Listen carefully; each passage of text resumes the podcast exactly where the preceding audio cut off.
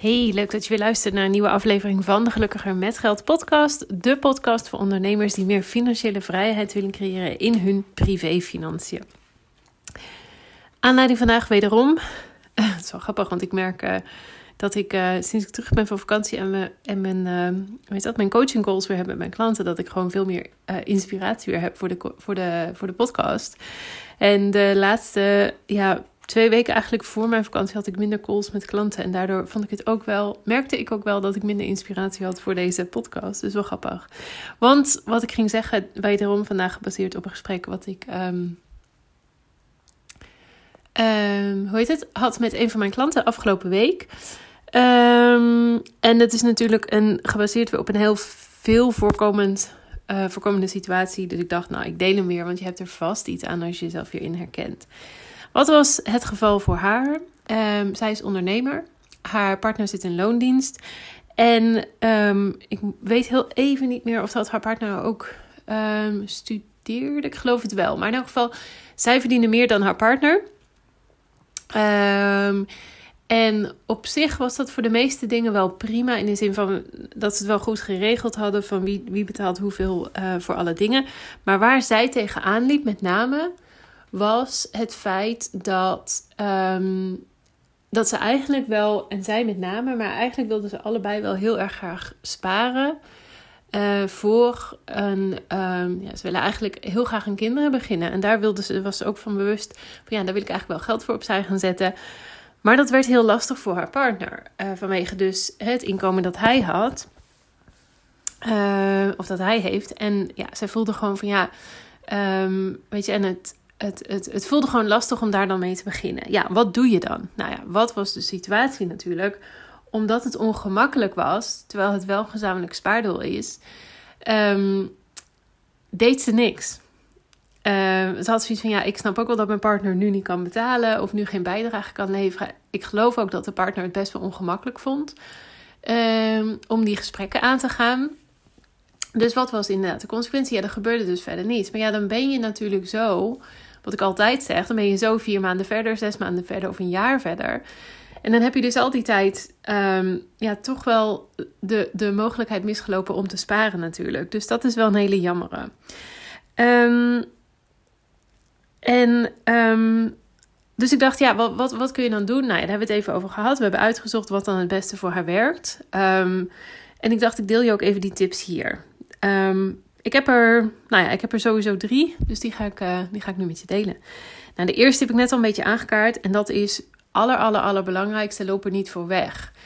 En um, er zijn gewoon bepaalde gesprekken binnen je relatie over geld die je mag hebben, die niet altijd even gemakkelijk zijn. Maar dat betekent niet dat je ze um, uit de weg moet gaan, uit moet stellen, niet moet hebben.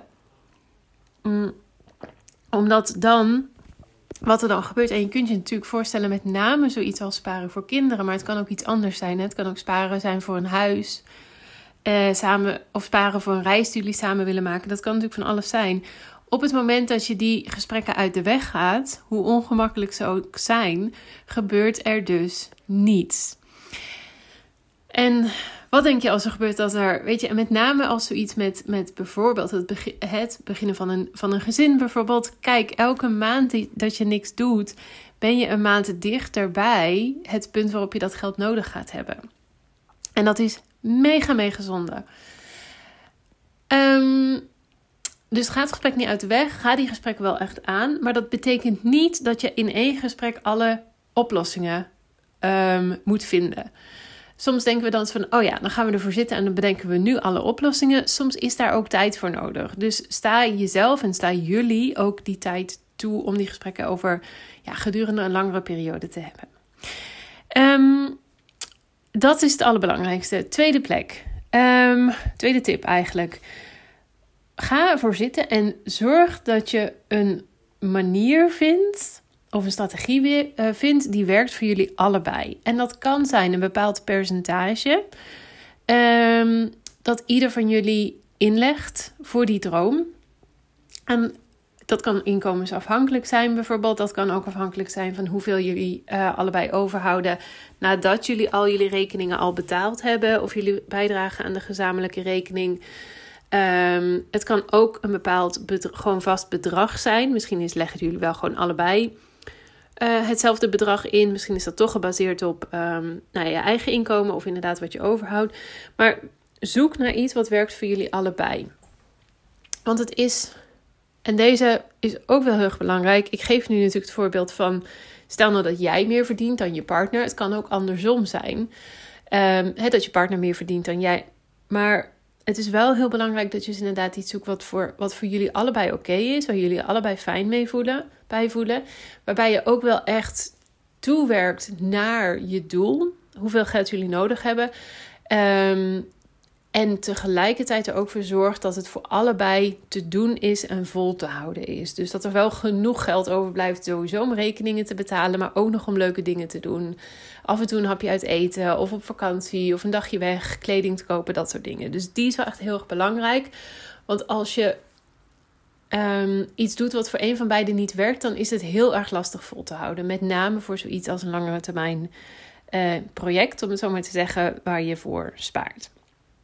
Nou, is, er nou, is het nou het geval dat, dat, dat, niet, dat je niet een oplossing kunt vinden, of dat je die gesprekken nog niet aan kunt, of dat er nog niets uitkomt, of dat het allemaal wat langer duurt, of dat er onzekerheid is, of omdat jullie een beetje in een tussenfase zitten, omdat er misschien ergens een verandering is, hè? bijvoorbeeld um, verandering van baan, of nou ja, meer of minder gaan werken, dat kan natuurlijk allemaal.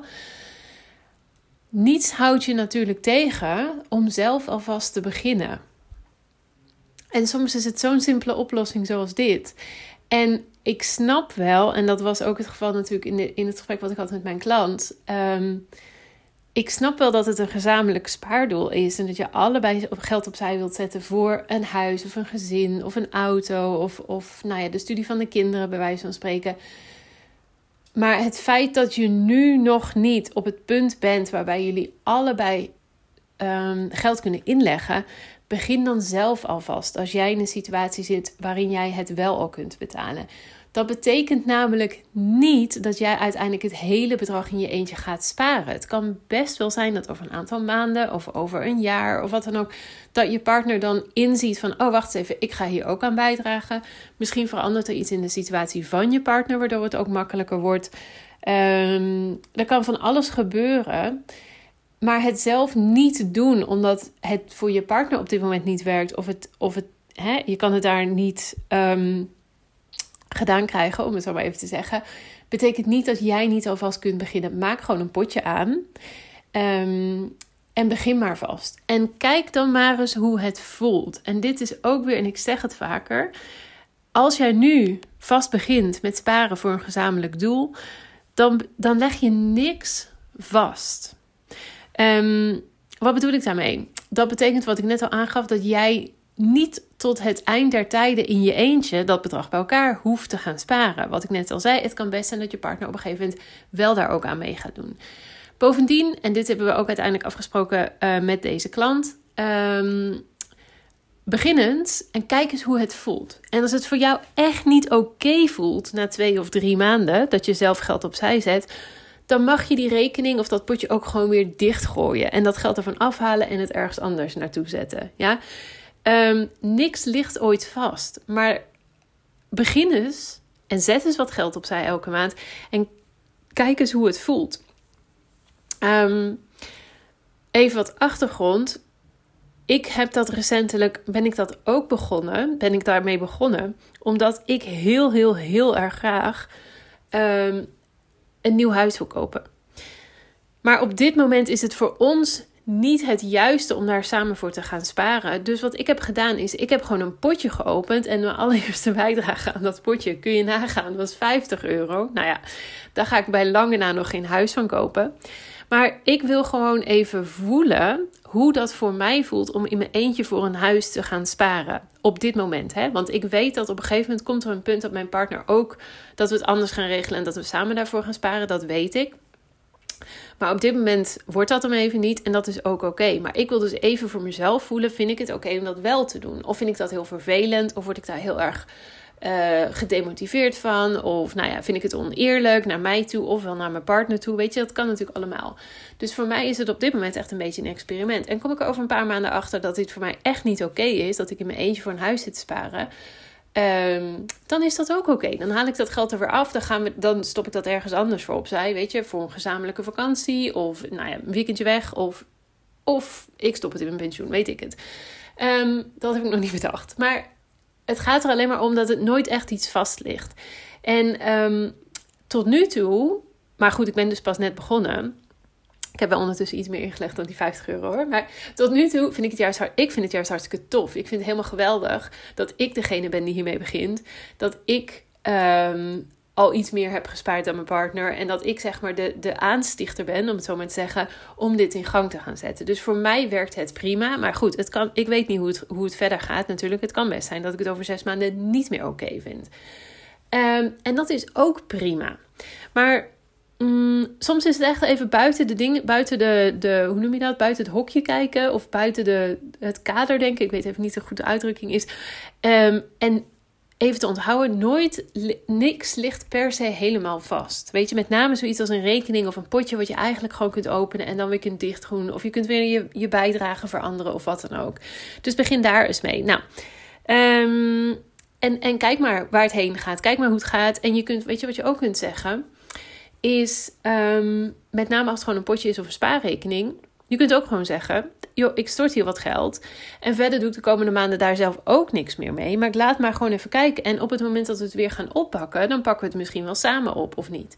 Dus er zit heel veel flexibiliteit in. En daar mag je ook wel een beetje mee gaan spelen. Dat is eigenlijk mijn uitnodiging aan jou. Om, om daar maar eens een keer over na te denken. Ja, ja dat was hem. Um, Verder heb ik niet zoveel over te zeggen. Maar ik hoop wel dat het je inspireert om een actie te ondernemen. Ook al zijn jullie er samen nog niet helemaal uit. Um, zoals altijd, laat het niet liggen. Want um, ja, voor je het weet ben je gewoon zo heel veel maanden verder. En dan um, en dat is gewoon zonde eigenlijk. Dus die wilde ik met je delen. Dankjewel voor het luisteren. Uh, laat me weten wat je ervan vond. Of wat voor jou zo'n punt is waarvan je denkt... oh ja, hier willen we eigenlijk samen voor sparen... maar het lukt niet, dus doen we maar niks. Laat me dat zeker even weten. Stuur me een berichtje op Instagram. Dat vind ik altijd het leukste. Dan kun je me vinden onder gelukkiger.met.geld. En dan wens ik nog een hele mooie rest van de dag toe. Doei!